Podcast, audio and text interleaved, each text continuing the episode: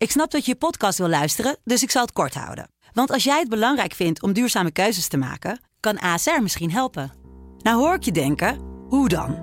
Nou, bijvoorbeeld bij het duurzaam herstellen van schade. Of de premies die we beleggen volgens ons duurzaam beleggingsbeleid. Dat bepaalt waar we wel en juist niet in investeren. Wil je meer weten over welke duurzame keuzes ASR maakt? Ga dan naar asr.nl slash duurzame keuzes. ASR doet het. Zo, dan kan je nu lekker naar je podcast luisteren. Dit is, dit is het land van Wierde. Het is allemaal jouw ding. Dring dat niet aan anderen op. En verwacht niet van de staat dat hij jouw religie propageert. Podcast van de Telegraaf met analyses op het nieuws die u elders niet hoort. En Plaster die liet zich ontvallen dat het helemaal niet indiscreet was. Om even te vertellen dat uh, Omtzigt toen hij dus naar die geheime afspraak ging in een hotel... dat hij even de dienstauto van Ronald Plasterk had gecharterd. Met Wierde en Roel den Auto. Hey Wiert, hallo. Ja, Roel. Een klein uh, disclaimertje. We gaan het uh, nu proberen in 30 minuten te doen, uh, Wiert. Want ik, ik, hoor van de mensen die kunnen zien hoe de, hoe de luistercijfers precies lopen. Dat jullie na 30 minuten een beetje inkakken en soms een beetje wegzakken. Dus, nou, ik geloof er niks van. Al die mensen. Ik, ik, ben, ik, ik zie alle, hoor alleen maar mensen die zeggen: kan het niet toch wat langer, langer, liefst twee uur. Ja, of we moeten het dan vier van een half uur maken. Misschien is dat beter. Ja. valt, nou, valt iedereen in slaap. Maar dat is overigens. Wat mij deze week uh, niet echt lukte bij het, uh, bij het debat over de het verslag van de informatieronde van uh, Plasterk die, in de Tweede Kamer. Dat was best wel een opmerkelijk debat. Aan de ene kant heel vervelend en saai. Aan de andere kant ook wel weer heel leerzaam en leuk. Ja, maar het mag eigenlijk helemaal niet leuk zijn. Ze moeten gewoon door. Ja, mag nog even die oproep doen dan aan onze... Jij gaat zo snel met Ja, ja, dan 30 minuten. Ja, maar onze luisteraars die kunnen op Twitter, zoals het, uh, en dat heet X, uh, zeggen hoe lang zij geneigd zijn om te luisteren. ja, of ze langer, langer of, niet, of korter dan een half, half uur. Ik zeg zelf minstens een uur zou ik denken in deze tijden. Maar goed, we gaan En die het, mensen die blokken we en die meer dan 30 minuten willen. Nou, ik niet hoor. Dan, nee. Maar goed, dit wordt dus kennelijk hier op de krant een, nog een enorm conflict. Maar over dat uh, debat, ja, dat was hilarisch natuurlijk. Ten eerste omdat ja. Martin Bosma dus zo'n geweldig goede voorzitter is. Wat een verademing. Ja, zo langzamerhand kun je toch afvragen of... Uh, ik ga maar niks zeggen op, over mannen op hoge posities. Hè? Die, uh, nee, daar gaan we niks over zeggen. Nee, nee, Bosma is gewoon. Had net zo goed de Martina Bosma kunnen zijn. En dat had hij het ook heel goed gedaan, ongetwijfeld. Maar um, ja, hij doet het toch wel veel beter dan die ongelooflijk uh, voortdurend gestreste en zenuwachtige. En vooral intens onzekere uh, voorgangster van. Hij zit, hij zit er wel lekker ontspannen bij. Hè? Dat vind ik ja, allemaal hij is gewoon vol met zelfvertrouwen en relaxed. Hij weet hoe dat moet. En um, dat was het, natuurlijk hilarisch in dat uh, subdebatje tussen um, Timmermans en Plasterk. De PvdA dinosaurussen, mastodonten, die elkaar in de haren vlogen. Daar hebben we zo meteen een fragmentje van ook. Um, dan, um, dat was dus vreselijk grappig. A en B ook vooral vanwege de, de, zeg maar de interrupties van Bosma. Die, je hoort hem op de achtergrond lachen. En dan vervolgens zegt hij ook tegen Plasterk van... Uh, u zult wel geen erelid worden van het PvdA.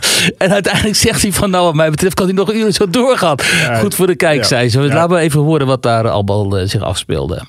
Ik vind het een vooruitgang, laat ik dat zeggen. Want de laatste keer dat de heer Timmermans in deze Kamer sprak over mijn columns... zei hij nee, dat stond in de Telegraaf, die lees ik niet. Um, en nu blijkt hij dat toch gelezen te hebben. En dat... Het is volkomen waar, voorzitter, dat ik uh, deze afgelopen periode van uh, het ronddraaien rond de informatie heb gebruikt om mij te verdiepen in de vele geschriften van de heer Plasterk. Uh, ik moet u bekennen dat ik er niet vrolijker van ben geworden. Nee, nee, nee. Voorzitter, dat is mij uit de kringen van de Partij van de Arbeid vaker toegevoegd. Met ongeveer met mijn duiding was, ja, dat is een krant voor arbeiders en daar hebben wij niet zoveel mee te maken. Oh, ik moet hier elke keer zo wel lachen. Omdat wat, wat hier ook, ook uit blijkt, is dat Plasterk zo oneindig veel grappiger is dan uh, Timmermans. Ja. Kijk, Timmermans die doet nog wel een poging. En dat is helemaal geen slechte poging hoor. Je moet maar ad rem zijn. En uh, nou ja, hij probeert het in elk geval. Maar Plasterk die gaat er telkens overheen. Van, hiervoor speelde zich ook al van alles af. Het fragment is op Twitter ook uh, ja. te zien. Waarin hij ook gewoon qua grappigheid enorm de overhand had boven, boven Timmermans. En... Um, ja, wat hier natuurlijk het allergrappigste was, is dat, uh, dat uh, Timmermans zich in dit debatje ook voordeed als een, uh, als een zoon van, uit een arbeidersgezin en zo. Terwijl het is helemaal niet zo. Zijn vader was, die werkte op ambassades. Weliswaar niet in een hoge diplomatieke functie, maar wel op ambassades. En ja, zijn opa was zijn opa een mijnwerker. Ja, en dan komt ook altijd mee met dat larmoyante verhaal over zijn opa, de mijnwerker. En daardoor is de Frans zo enorm betrokken bij uh, de gewone man en zo. Terwijl Plasterk, die komt dus echt kennelijk uit een gezin van, uit een gewoon gezin, zeg maar. Van ook een gevluchte half Joods, meen ik, uit Duitsland. En uh, die kan zich dus wel degelijk voorstaan op min of meer dan ja. afkomst uit die arbeidersklasse. En um, maar goed, het allerhilarische was natuurlijk dat hij zei van ja, de P van de A's die lezen de Telegraaf natuurlijk niet, want dat is de krant van de arbeiders. Daar hebben ze niet zoveel mee.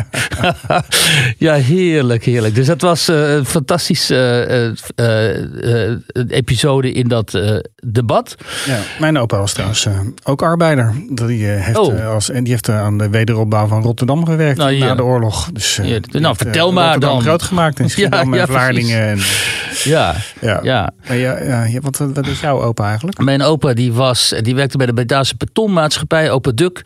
En die was daar een soort van uh, projectontwikkelaar. Die heeft onder andere in Groningen de uh, suikerfabriek uh, gebouwd. Althans dan um, onder zijn supervisie ja, ja. of zo. En um, dat was een heel, heel karakteristiek uh, gebouw. Is inmiddels natuurlijk weer afgebroken. Uh, en de open van de andere kant, die hadden gewoon een boerderij in Friesland. Ja, dus, maar hij was uh, geen betonwerker, maar hij had de, supervisie, zeg maar. Dus, de ja, hij was dus ja, wel helemaal opgeklommen en zo. Dus, ja, um, ja. Dus uh, maar hele Open Duk was een hele imposante figuur. Maar goed, dan gaan we een andere keer maar zo over ja, Dan gaan we over een half uur heen. ja, precies. Dat kan niet. Maar ja. ja, nee, nog even terugkomen op dat debat. Was eigenlijk natuurlijk, ja, het was natuurlijk eigenlijk best wel triest. Want we, wat zijn we ermee opgeschoten allemaal? Nou ja, dat, dat, uh, dat is natuurlijk het erge. Uh, wat zich de afgelopen weken heeft uh, gemanifesteerd, is een nieuw adagium van Bart Nijman, onze aller grote, grote auteur. De grote auteur Bart Nijman, bekend van geen stijl en heeft nu zijn eigen substack. Ja. Die zei, wat zei die? Vertrouwen komt te voet en gaat per dienstauto. dat moet je wel even uitleggen. Ik vond, dat was ook weer een gouden opmerking. Ja, die was toch geweldig. Die moet, je, die moet je wel even uitleggen dan. Nou ja, die, die um, omzicht, dat was ook zo'n filijn van Plasterk in het debat. Want die hebben natuurlijk. Um, kijk, omzicht heeft natuurlijk heel ja, verschrikkelijk gedragen. Natuurlijk. Die heeft iedereen geschoffeerd. En dat merkte je ook in het debat. Caroline was helemaal met trillende stem. Uh, merkte ik. Die was zo boos of zo geëmotioneerd. Dat ze met trillende stem omzicht tot de orde riep. Van ja, het gewoon haar geschoffeerd. En de anderen ook. En nou, je Wilders, die maakte natuurlijk. Kijk, die is dat wel gewend. Maar die deed ook niks anders dan, dan omzicht beschuldigen van dat dat zo niet kan. En Plasterk, omdat om zich Plasterk ook nog eens een keer geschoffeerd had, die liet zich ontvallen dat het helemaal niet indiscreet was. Dat zei je letterlijk, het is helemaal niet indiscreet om even te vertellen dat uh, Omtzigt, toen hij dus naar die geheime afspraak ging met drie door hem uitgekozen journalisten in een hotel, dat hij even de dienstauto van Ronald Plasterk had gecharterd. Dus gevraagd, kan ik even je dienstauto ja. gebruiken? En Plasterk als een echte sociaaldemocraat, en dan deel je van ja, alles met elkaar, ook de dienstauto, die zei van ja, doe maar. Hij wist helemaal niet waar het voor was. En toen bleek het dus voor die enorme achteraf, achterafkamertjespolitiek van Pieter Omtzigt te zijn. En uh, dat bedoelt Bart natuurlijk van vertrouwen. Ja, hè, vertrouwen komt te voet. Want de afgelopen jaren heeft Pieter Omtzigt natuurlijk een enorm vertrouwen gekregen van een heel groot deel van de ja. bevolking. Ja. En nu heeft hij dat binnen een paar weken compleet weten te verspelen. En dan is die dienstauto natuurlijk. De, kijk, de appjes die hij zelf niet chic noemde. Maar de dienstauto is natuurlijk wel een schitterend symbool ja. van hoe hij gewoon ook ja. deel uitmaakt van die oude politiek. Ja, jouw rubriek in Nederland in de krant elke uh, week, die uh, gaat over uh, teleurgestelde NSC-kiezers. Maar ook Klopt. mensen die nog steeds in, in het nieuw sociaal contract van Pieter geloven. Ja, ik had dus, een aantal, uh, ik had dus aan een nieuw sociaal contract kiezers gevraagd van jongens, hoe staan jullie er nu in? Omdat de, tijdens de verkiezingen, voor de verkiezingen was natuurlijk zoveel hoop dat Pieter Omtzigt en zijn, zijn gang, zeg maar, een nieuwe, een nieuwe wind door de Nederlandse politiek en bestuurscultuur zouden doen waaien. Nou, dat is dus helemaal verkeerd uitgepakt. en een aantal mensen die wilden wel met me spreken en die mailden mij. Ik sprak met hen. En uh, inderdaad, opvallend was dat een aantal van hen nog altijd wel zegt vertrouwen te hebben in, uh, in Pieter. Vooral één iemand, maar dat is dan ook Piet Hermes akkerbouwer. En die treedt wel op in meer media. Hij was ook ergens een reformatorisch of Nederlands dagblad of zo, werd hij ook genoemd. En ja, die, die, werpt zich echt op als de grote rechtsstatelijke uh, verdediger van omzicht. Hij zegt juist van, oh, dat al die opportunisten nu afvallen, al die wilde lovers en zo prima.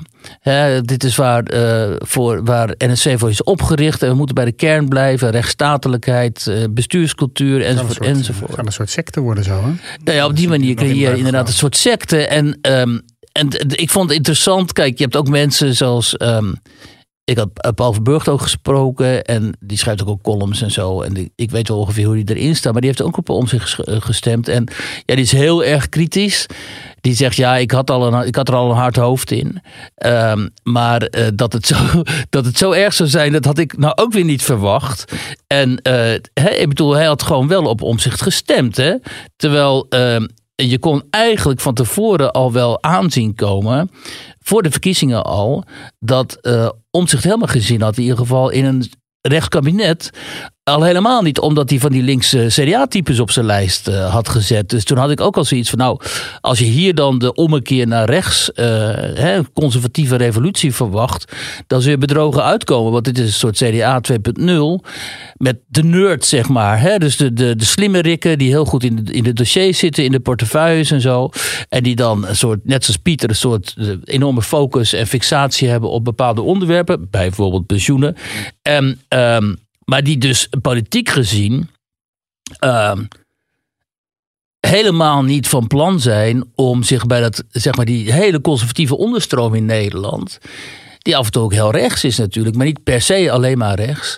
Om zich daarbij aan te sluiten. En uh, ik denk dat Ewald Engelen het heel goed omschreef. Die had ergens een tweet waarin hij schreef dat uh, het, vooral bij die NSC vastzit op. Um, zeg maar de smetvrees, uh, smetvrees, omdat ze bang zijn de geloofwaardigheid bij de kletsende klasse uh, te verliezen. Kletsende Hij had het over het ostracisme van de kletsende klasse. En dat is natuurlijk ja, dat moeten we even uitleggen. Ja, Daar kwam natuurlijk ook kritiek op van wat ben jij nou? Hè? Jij bent dan die linkse intellectueel die zich zogenaamd opwerpt, e-, Ewald dan, die zich opwerpt als zeg maar uh, de held van de echte arbeiders, van de SP-arbeiders en zo.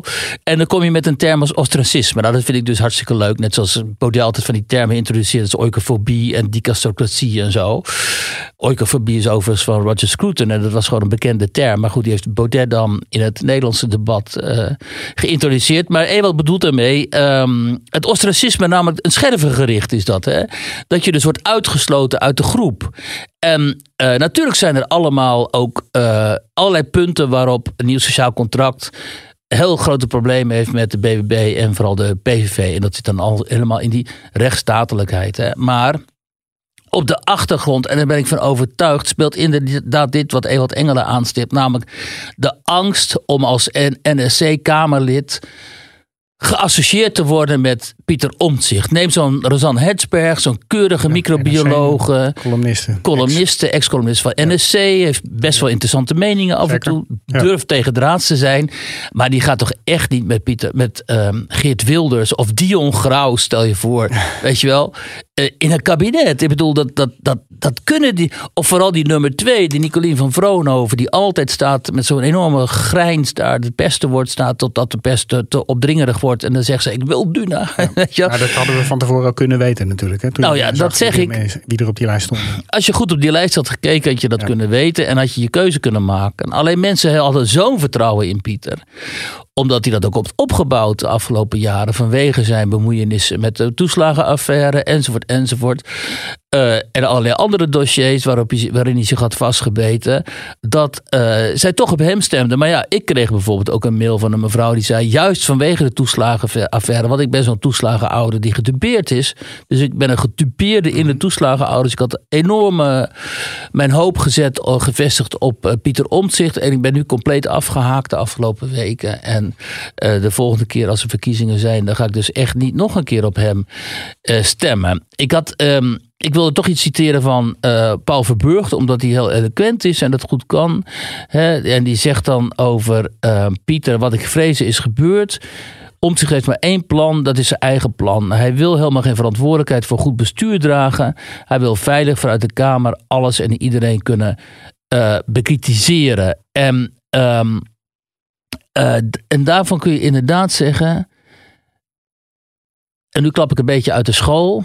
Maar ik heb natuurlijk wel contacten zo her en der. En ook wel rond die uh, formatiebesprekingen en zo. En wat je dan hoort is. Het gaat om zich totaal niet om de inhoud. Het gaat hem. Uh, hij heeft eigenlijk helemaal geen visie voor het land. Het gaat hem altijd om vorm en regels en procedures. Als die maar kloppen. Nou, hij heeft een nieuw sociaal contract. Ik heb dat boek gelezen. Ja. Daar heeft hij toch wel een soort van visie. Nou, dat gaat ook heel erg over hoe is de verhouding geregeld tussen burger en overheid. Ja. Maar als je hem vraagt, Pieter, hoe zit het nou met die immigratie? Hè? Als, je, als je Mona Keizer vraagt of Caroline of, of Wilders. Ja. En je vraagt, zeg nou even in één zin, wat wil je nou met die immigratie? Zeg gewoon grenzen dicht. Ja. Zoveel mogelijk grenzen dicht. Of ze noemen aantallen, max Of ze noemen aantallen. Of Mona zegt van jongens, die Oekraïners moeten gewoon terug. Want dat is hè, een heel groot deel van, van Oekraïne is veilig. En, en, en daarmee jaagt ze een discussie aan. Krijgt ze heel veel shit over zich heen. Mm. Dat weet ze van tevoren. Maar ze jaagt wel het debat aan. Hè? En dan, uh, maar als je dan om zich vraagt van... Um, wat wil je nou met die immigratie? Dan gaat zeggen, ja, Europese verdrag. Ja. En hoe, hoe zit het dan met die verdrag? Ja, nee, artikel zus, paragraaf zo en zo. Nee, daar komen we niet onderuit. Of dan moeten we via de Kamer een meerderheid krijgen om... Hè? En dan gaat, wordt het dus allemaal procedureel. Maar hij wordt nu natuurlijk gevraagd van, wat wil je nou? Ja. Nou, en dan, en dan is hij op een gegeven moment weg naar Enschede. En dan stuurt hij een appje van jongens, ik, ik ben er niet meer even. Ja. Hè? Maar eigenlijk is zijn partij nog gewoon een, soort een onderdeel van de gevestigde macht. Die, uh, die er in Nederland. Uh... Nou, zijn partij is gewoon CDA 2.0. Ja, en het CDA van nu met Bontebal is een soort ChristenUnie. En het ChristenUnie is een soort nog weer linksere variant met die Mirjam Bikker. Ja. Nee, maar het gaat heel, gaat heel diep door tot op het lokaal niveau zelfs. Dat, uh, we hebben een verhaal gehad deze week van uh, Niels Richter en uh, Koen van Eyck over de burgemeesters in Nederland. Dus toch het lokale bestuur. Burgemeesters hebben best wat te vertellen. Die, daar blijkt ook gewoon dat ja, dat zijn vooral alleen nog maar VVD, CDA, PvdA. Nou ja, kijk, dat, dat, dat idee van, van Baudet over het partijkartel. Ja. hè, waar zo iedereen zo hysterisch op reageren. Hij heeft nou, natuurlijk volledig gelijk. Nederland wordt al decennia geregeerd, bestuurd door het kartel. En ook de meeste media horen daarbij. En dat niet alleen, is, noem maar op. Ja, maar een kartel is natuurlijk iets. Het is een organisatie waarbij uh, hele strakke afspraken worden gemaakt. En ik denk dat. Nou, wat dacht je van regeerakkoorden dan? Ja, ik, maar ik denk dat het dit soort van stilzwijgende akkoorden zijn die uh, op de achtergrond. Van dit, dat doe je niet, of dat zeg je niet. Ja, maar daar zijn dus. Van daaruit wordt geregeerd, denk ik. Ja, dat zijn dus piketpalen geslagen. ja, ja. ja binnen deze marges besturen wij. Binnen deze marges is een debat mogelijk. Binnen deze marges ook uh, kiezen wij uh, burgemeesters. En uh, een PVV komt volstrekt, volstrekt niet in aanmerking om burgemeester te worden. Kijk, Wilders heeft nu een goed punt. Als Abu Talib weggaat, nou wat ook inderdaad wel tijd is geworden zeg. dan moet er maar een PVV burgemeester worden van Rotterdam. Nou, er is geen sprake van. Gaat nooit gebeuren. Kan niet. Terwijl als dit een democratie zou zijn, dan zou je zeggen: luister die partijen waar nu die burgemeesters uh, in oververtegenwoordigd zijn, die vertegenwoordigen nog weet ik veel hoeveel procent van de, van de kiezers. Nou, heel weinig. En waar zijn die nieuwe partijen dan? Waar is dan de PVV, de grootste partij? Waar hebben die? En dan gaan ze allemaal weer zeggen: ja, maar PVV is geen partij, is een eenmansbedrijf van Wilders. En uh, Wilders kan, kan niet eens bestuurders leveren. Haha, nu moet hij weer een beroep doen op Kim Putters. Van die partij heeft nu eerst een beroep gedaan op Plas, Plasterk en nu op Kim Putters. Um, ook zo'n eh, PvdA die ongeveer weet, zegt men dan, wat de boze burger dan zou uh, um, allemaal zou vinden en zo. En kijk eens, die, die Wilders die heeft helemaal geen netwerk om zijn eigen mensen uit te kiezen. Dat is dan het weerwoord. In plaats van dat mensen zich eens gaan zorgen maken over jongens. Functioneert die democratie eigenlijk wel als er zo'n krankzinnig deel van Nederland bereid is om op de PVV te stemmen? Hè, ze lopen nu naar de 50 zetels en die hebben gewoon geen burgemeesters. En Weet je, en al die argumenten die je dan weer krijgt. Ja, maar PVV die deed niet mee in die gemeenteraadsverkiezingen. Nou, uh, inmiddels wel. Ja, niet overal, maar nee, maar een aantal gemeenten. Maar, precies. Ja, dus ja, je hebt mensen, maar je hebt heel veel mensen die zijn dus, die willen zogenaamd die bestuurscultuur doorbreken en die willen al die, die kartel, uh, die kartel zeg maar vorming doorbreken. En Maar als het puntje bij paaltje komt, dan geven ze niet thuis. En kijk, ik ben in zoveel gemeentes geweest de afgelopen jaren. Hè, sinds ik de, die rubriek schrijf en zo. En dan zit ik daar weer s'avonds bij een gemeenteraadsvergadering en zo. Of, de, of bij een inspraakavond um, over een AZC over de of een inspraakavond over iets anders. Ja, en ik vind het, kijk, dat duurt uren. Ja. Maar ik vind dat dus fantastisch, want je ziet dus een lokale democratie aan het werk. Hè? Het zijn altijd van die gepensioneerde leraren die dan in de gemeenteraad zitten en zo. Of gewoon vrouwen die wel tijd hebben om dat te doen. Ja. En jij, jij, jij, Ja, jij- ik- je hebt het ik- te ik lang gedaan vroeger of zo. Ja, ik ben jarenlang gemeenteraadsverslaggever geweest in allerlei gemeentes, ook in Den. Haag trouwens. Ja. Maar eh, ja, er wordt is natuurlijk achter de tafel wordt van alles bedisseld. En jij als, eh, als, als inwoner hebt vijf minuten inspreektijd. En je wordt meteen eh, afgekapt als je te lang praat. Ja, maar dat is dus het mooie om al die mechanismes aan het werk te zien. En dan Ja, ja, nee, hangt het heel sterk af van een burgemeester. Hè. Vaak, je hebt best wel vaak van die burgemeesters. Die zijn best wel goed al geworteld al in je gemeenschap. En die, hè, en die hebben ook wel eh, het vertrouwen van de bevolking en zo. Maar je hebt natuurlijk ook van die burgemeesters van wie je ziet... oh ja, dat is er weer zo één. Die heeft allemaal dealtjes met projectontwikkelaars. Ja, en met de lokale VVD. En zo. Je Ja. ziet het gewoon. En, hè, en daar is niet doorheen te breken. Dat is er zo gewoon zo'n zo'n muur van de, de macht hè, in zo'n Ja. gemeente. En zo van, van zo'n local eh, eh, netwerk van eh, boys, hoe heet het ook alweer? Old Boys Network. Precies. Ja. Zo van, dit doen wij al jaren zo. Hè? precies. Hier Nou, dat is gaat dat zo, ja. meneer Duk, weet je wel. Dat zo. Ja. En, eh, en eh, ja, weet je, en je, ja, je voelt het gewoon al als je binnenkomt. En, eh, maar goed, dat is wel lokale democratie. Ik ben altijd enorm voorstander van eh, dat mensen lokaal actief worden. Maar ik vind het wel een beetje eng worden dat nu eh, burgemeesters eh, nog meer de macht lijken te grijpen in die hele discussie over die eh, hoofddoekjes. Hè, van de, Nou, ik moet nog twee dingen zeggen. Ten eerste is het, eh, als je dan zegt, waarom zijn er niet meer eh, PVV-burger of andere burgemeesters, dan gaan mensen ook zeggen, ja, maar joh, we, we, we gaan ook uit een hele kleine pool, omdat er tegenwoordig helemaal niet meer zoveel mensen zijn die überhaupt burgemeester willen worden. nee, snap ik. Dus je vist in een heel klein, eh, kleine vijver. Ja. Dus je moet al lang blij zijn als een beetje mensen van kwaliteit zich, zich eh, aanmelden, zeg maar. En eh, ja, nu over die macht van die burgemeester en de BO. Jij wilt echt in sneltreinvaart hier doorheen, begrijp Ja, ik. Hè? Want te kijken ook af en toe. volgens mij zijn we nog niet op, op een kwartier. zijn we zo meteen al klaar, man. Dat- Ja, ik ga, als jij weg bent, ga ik wel even alleen verder dan. dat zie ik je wel. Ja, Echt, hè? Ja Ehm, de boa's. En de, Want en de eigenlijk moeten we ook nog over het einde van uh, Kick-Out Zwarte Piet eh, hebben. Die houden ermee op eh, voor. Ja, had je nog niet Oh, gezegd. dat, maar, eh, we hebben nog genoeg op de agenda staan. Maar de, Oké, mooi. eh, dus, maar de, boa's en de hoofddoekjes, dat, eh, dat is een onderwerp waar een heleboel mensen zich heel erg over opgewonden hebben. En terecht, denk ik. Nou, het is verschrikkelijk natuurlijk. Eh, d- hè, ehm, eh, je ziet dus in een aantal steden dat de burgemeesters gewoon tegen de, de wens van de minister ingaan. En nu hebben we besloten dat boa's met hoofddoekjes eh, welkom zijn. We zullen even de dissidenten opnoemen. Dat is inmiddels in Amersfoort, Arnhem, Utrecht, Sharon Dijksma, Arnhem, Ahmed Marcouch, Partij van de Arbeid, Utrecht, Sharon Dijksma, Partij van de Arbeid, Amsterdam, Femke Halsema, Ja. roept u maar, GroenLinks. GroenLinks. Ja. ja. Dijksma had Tilburg meen ik ook. Ja, wou ik wel. Tilburg eh, weet ik even niet wie daar zit. Ehm, nou ja, en ga ze maar door. Maar er zijn vijf geloof ik of zo. ja. Je had een, een, een, eh, op Twitter had je een oproep gedaan, een poll. Van eh, jongens, hoe zou jij reageren als jij eh, door een boa wordt benaderd met een hoofddoekje of een keppeltje? Nou, met een religieus, eh, eh, religieus kledingstuk, Ja, zeg ja. maar. Ja. Ja. Daar kwamen een hele hoop reacties op. Hè? Ja, natuurlijk. Ja. En mensen die zeggen dan... De teneur van die reacties is natuurlijk... A, ik ga zeggen, waarom houd jij niet aan de wet? Eh, maar goed, dat klopt niet helemaal, want die wet is er niet. Maar goed, eh, ze gaan wel tegen. Je kunt beter zeggen: waarom, waarom ga je zo te- in tegen de minister? En B, dan gaan die mensen natuurlijk zeggen: eh, van joh, ehm, eh, die hoofddoek, dat is een uitdrukking van jouw religieuze overtuiging. En ik wil alleen zaken doen met iemand die een, zich een neutrale vertegenwoordiger is van de staat. Dus ik heb met jou helemaal niks te maken. Nou, als ik zonder licht word eh, betrapt door een boa, dan ga, ga ik dan dat soort discussies aan, denk jij? Denk je dat veel mensen dat ik gaan denk doen? dat heel veel mensen zullen, zullen vragen, wie ben jij? Ja. En ik krijg gewoon door. Ja. Ja, Oh. Ze kunnen zich legitimeren als boa. Maar jij denkt dat het een hoop extra discussies op straat op gaat leveren. Ja, natuurlijk. Als je zometeen heb je gedoe met moslims die weer over Palestinees roepen of zo. En dan komt er een boa met een hoofddoek. Hè? En die gaat dan tegen die jongens zeggen: niet doen. Ja.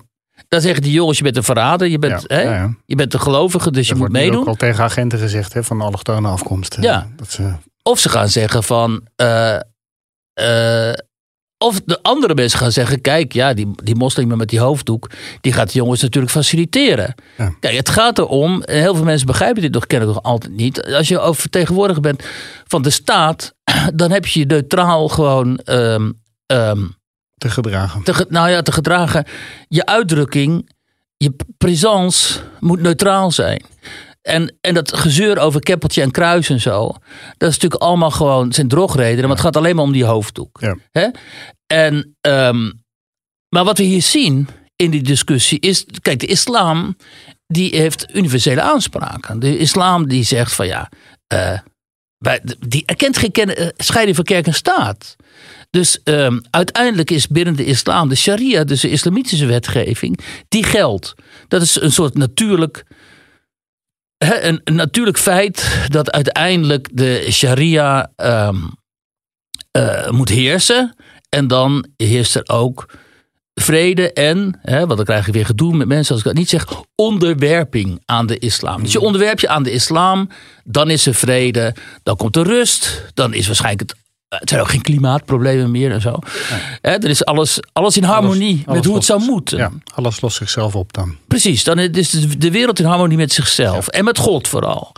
Ehm, dus al die drammers eh, die vinden dat we dus dit moeten toestaan, die, gaan, die komen vanuit die context, vanuit die denkwereld. Zo van, we leven nu in een onvolmaakte wereld. Die is ook onvolmaakt als we niet die hoofddoekjes en zo accepteren bij, bij- in staatsfuncties. Want ja, die staat, die, die moeten we onderwerpen. Die staat moet zich onderwerpen aan de islam. De islam is uiteindelijk de, de, hè, de dominante macht. En die beheerst ook de staat. En goed, daar moeten we ons natuurlijk tegen verweren. Omdat wij zijn een multiculturele, multireligieuze samenleving. Allemaal prima. Je mag gelovig zijn, moslim zijn en zo. Je mag christen zijn, emisch wat mij betreft. Je mag een spaghetti ding op je hoofd zetten en zo. Maar het is allemaal jouw ding. En dring dat niet aan anderen op. En verwacht niet van de staat dat hij jouw religie eh, propagandeert, propageert. En dat jouw die religie dominant wordt in uitdrukkingen van, van eh, staatswegen. En nu is het zo onvoorstelbaar teleurstellend dat mensen als Sharon Dijksma, oké. Van Sharon kun je het nog wel verwachten. Ahmed Makouchka had niks anders verwacht. Oude moslimbroeder, die wil niks liever. Abu Talib in Rotterdam zometeen ook. Je kunt niks anders van die mensen verwachten. Maar Femke Halsema. GroenLinks. In onze krant hebben we Femke heel vaak eh, bekritiseerd. Maar uiteindelijk is Femke Halsema een van de weinige echte liberale wassen Ja, redelijk recht in de leer. Ja. binnen die linkse beweging. Ja. Nou, niet zozeer recht in de leer. Ze was een, linker, een liberaal. Ze is door de Ja. JOVD ook ooit jaren geleden uitgeroepen tot liberaal. Want ja, het zegt helemaal niks. Want ik meen dat Sander Schimmelpenning het ook een keer is geworden. Zo, dat weet je het wel. Maar ik ken die oude speeches van Femke Halsma. En iemand stuurde mij nog even toe een verhaal met haar uit 2009. Een verhaal in, in Trouw. Nu moet ik even mijn leesbril opzetten. Dus we gaan weer een paar minuten over het half uur heen. Wat zegt Femke daar? Die zegt... ehm, ze schroomt niet om de orthodoxe islam aan te vallen. Hoewel het niet iets is dat van haar partij wordt verwacht. Ik merk het in mijn wijk, zegt ze. Dat was Probleemwijk, of nee, aan de rand van de Transvaalbuurt. Natuurlijk is de islam een probleem, overigens niet. Overigens met name in combinatie met ongeletterdheid. Maar belangrijker is nog dat ze zegt... ehm, ik kan niet wachten op het moment waarop vrouwen in vrijheid hun hoofddoek zullen afslingeren. Ik zie het liefst iedere vrouw in Nederland hoofddoekloos. Ik geloof niet dat welke god ook kledingeisen stelt. Dat zijn de mannen geweest die het geloof uitleggen. Oké, Dat heeft Femke Halsema gezegd in... in 2009 in Trouw.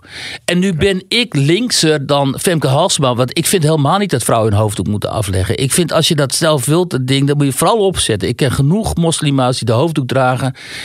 Die hele zelfstandige vrouwen zijn. eh, die mij eronder lullen, bij wijze van spreken. Als we in Mhm. debat zijn.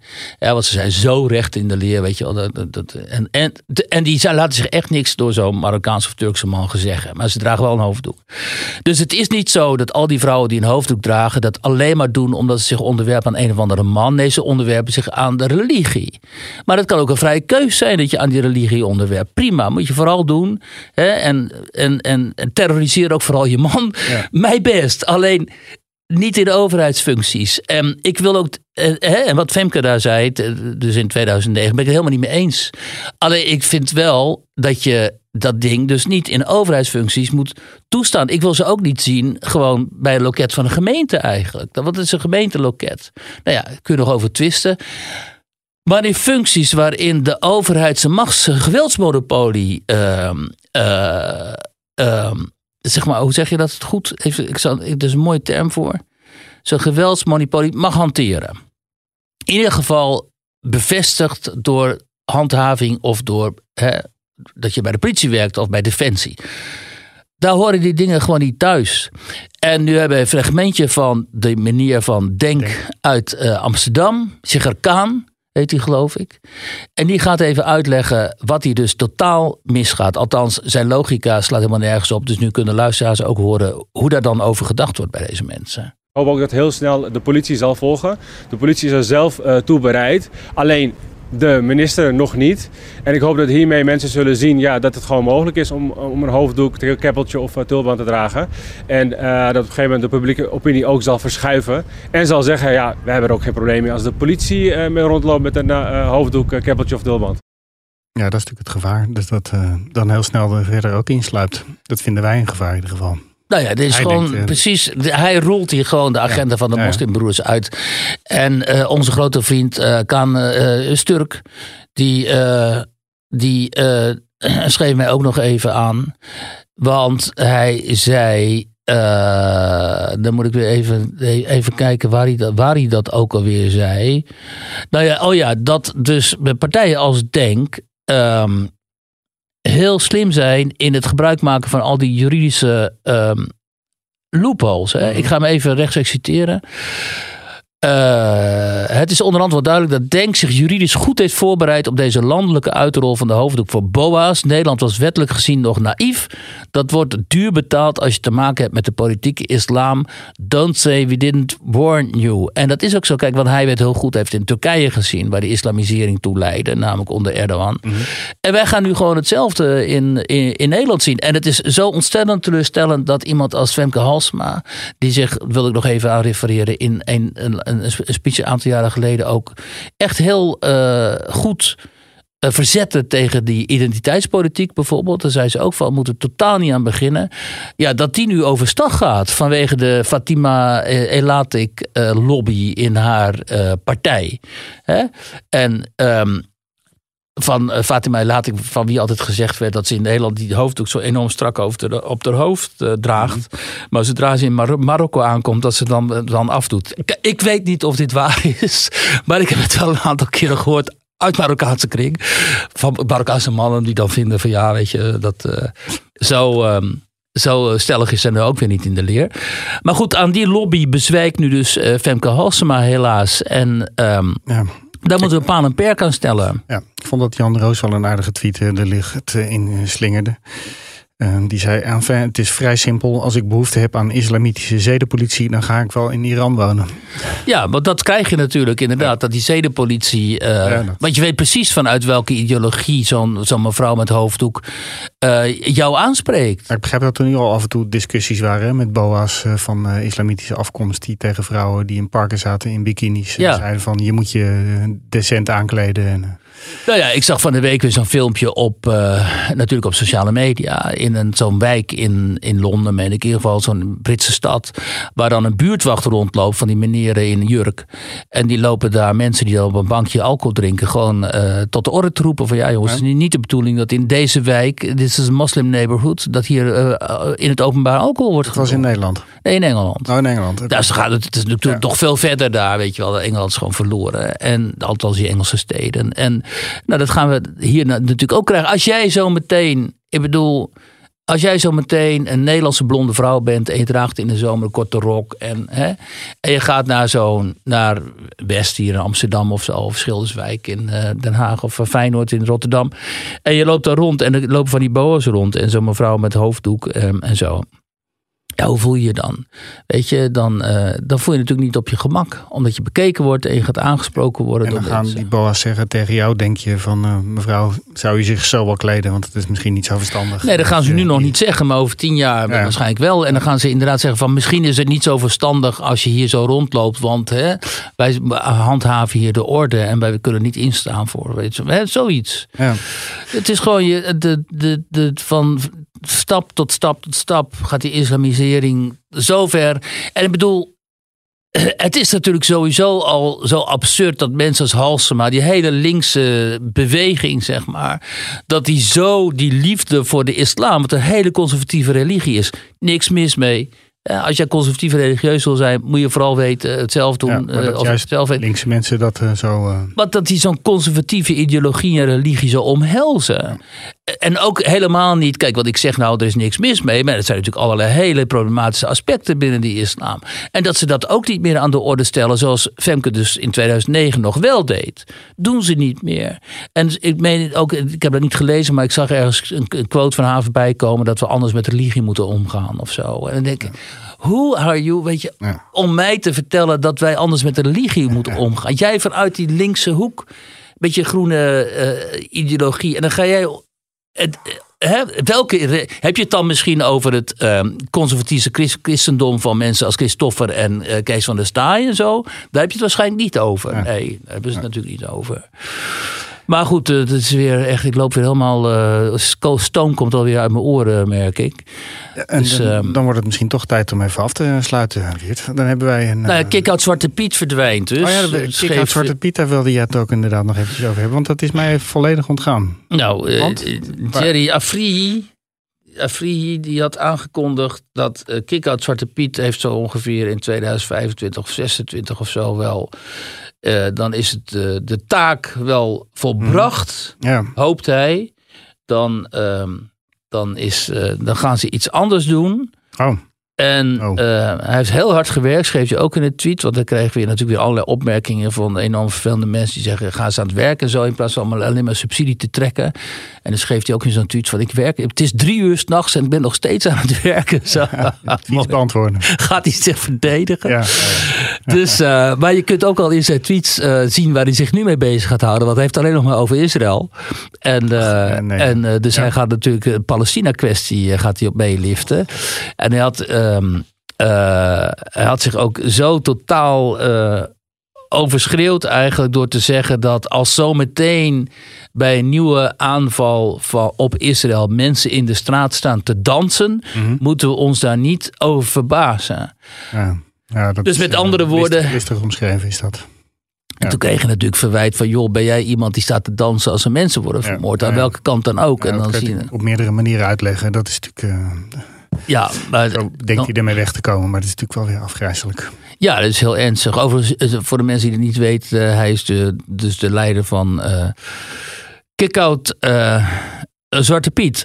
Op hoeveel minuten zitten we nu? Roel, zijn er, is al 90% van de mensen afgehaakt.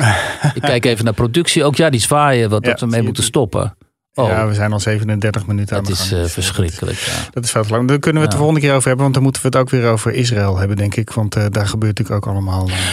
Nou ja, ik heb gisteren drie uur in de regen gestaan bij het ja, ICC precies. in Den Haag. Waar een grote oh, ja. delegatie van Israëlische familieleden, meer dan 100 mensen en ex-gegijzelden en, enzovoort, zich melden om bij het ICC een klacht in te dienen. Um, om te vragen, althans om een, om een onderzoek te starten tegen uh, de leiders van Hamas. En om die eventueel, dus die zitten natuurlijk in grote luxe in Qatar, om die op te pakken en te veroordelen. En um, wij zouden daar ook een paar ex-gegijzelden uh, te spreken krijgen. Maar de organisatie was in Israëlische, Israëlische handen, niet in Nederlandse handen of ja. Nederlands-Joodse handen, waar het meestal wel goed gaat. Als Sidi iets organiseert of uh, andere Joodse organisatie, nou, dan is het meestal voor een soort van, van orde, zeg maar. Ja. Dus dit was complete chaos. Het stond ellenlang op een podium met allemaal mensen daar in de regen. Het was allemaal heel indrukwekkend natuurlijk, maar allemaal al die verhalen die wij al lang in de krant hebben gehad ja. ook. En toen kwam het moment waarop we dus zouden gaan spreken met uh, ex-gegijzelden. Want daarvoor was ik eigenlijk gekomen, los van het nieuws. Um, en toen, toen toen wilde hij niet meer met de media praten. Oh, dus, nou, uh, tegelijkertijd onze correspondent in, uh, in Israël, Ralf Dekkers, die in Tel Aviv woont, die sprak ten, toen jij in de regen stond urenlang, sprak hij met de familie van die twee laatste gijzelaars die zijn vrijgelaten. Ja, precies. En dat waren echt weer huiveringwekkende verhalen. Nou, dat is. Uh, dat, kijk, want ik heb natuurlijk wel veel met mensen gepraat. En daar ter plekke. En dat werd mij wel duidelijk. Dat werd mij ook gezegd: van je luistert, joh. Uh, jullie weten eigenlijk nog niet half wat er daar met die mensen allemaal gebeurd is. En toen vroeg ik zo, wat dan? Nou ja, gewoon martelingen, seksuele toestanden, verkrachtingen en zo. Alleen zeggen dat, dat, dat, willen, dat willen ze niet naar buiten brengen. Althans, ze zijn te beschroomd of het komt niet in de openbaarheid. Ook omdat ze bang zijn voor de gegijzelden die daar nog zitten. Dat die dan gewoon worden geëxecuteerd. Zijn er nog steeds honderden, geloof ik? Het zijn echt heel veel nog, ja. ja. Ja. Waarvan we niet weten hoeveel mensen er uh, nog leven. Ja. En um, goed, dan begrijp ik ook wel, ook om die mensen die nu nog gegijzeld zijn, niet in nog meer gevaar te brengen. Ja, wel. Maar um, het is in ieder geval afgrijzelijk. En uh, ook is duidelijk geworden, als laatste dan nog even mag, dat UNRWA, dus die organisatie van de Verenigde Naties, die uh, specifiek dus uh, de, de belangenbehartig van Palestijnse vluchtelingen, dat die diep, diep in, uh, of dat Hamas diep daarin is uh, geïnfiltreerd en geïnvolveerd. Dat er eigenlijk niks, op, in Gaza althans niks gebeurt door UNRWA zonder toestemming van Hamas. Dat is natuurlijk heel erg compromitterend, omdat UNRWA officieel een, een, een agentschap is van de Verenigde Naties. En ik sprak vorige week, want ik had weekenddienst in het weekend. Sharon Haskell, dat is een Joods. Um, lid van de Knesset, het Israëlische parlement, die al jarenlang onderzoek doet naar die contacten tussen Hamas en UNRWA. En ze zegt, het is echt, het is, uh, je weet gewoon niet wat je, wat je aantreft als je dat echt goed onderzoekt.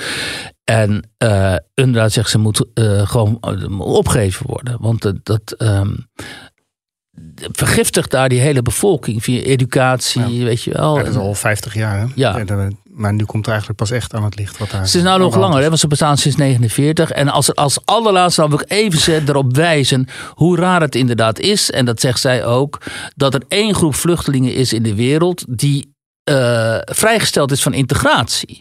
Dus als je een Palestijns vluchteling bent en je woont in een van de Libanon, Syrië of weet ik veel wat en zo, dan val je dus onder UNRWA. Mhm. Dan hoef je niet te integreren, want UNRWA zorgt voor je. Ja, je krijgt dus een heel pakket, een medisch pakket, zorg, educatie, alles wordt allemaal door, door ons dus eh, betaald.